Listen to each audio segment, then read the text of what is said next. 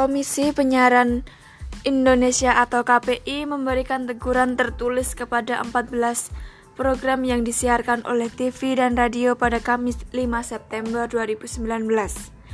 Ke-14 program yang diberikan sanksi adalah program siaran jurnalistik yang berjudul Borgol JTV, Big Movie, Family Lintas Pop-Up Square Pen Movie, JTV, Rukiah Trans 7, Rahasia Hidup Antv, Rumah Uya Trans 7, dan Obsesi JTV.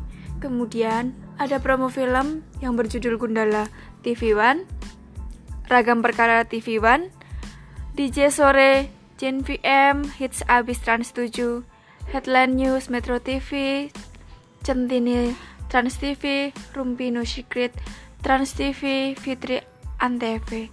KPI menilai ke-14 program yang melanggar aturan pedoman perilaku penyiaran dan standar program siaran KPI pada tahun 2012 Jenis pelanggaran yang ditemukan KPI dari ke-14 program tersebut yakni adanya adegan kekerasan, adegan kesurupan, adegan horor, pemanggilan arwah, konflik pribadi, sampai pelecehan seksual.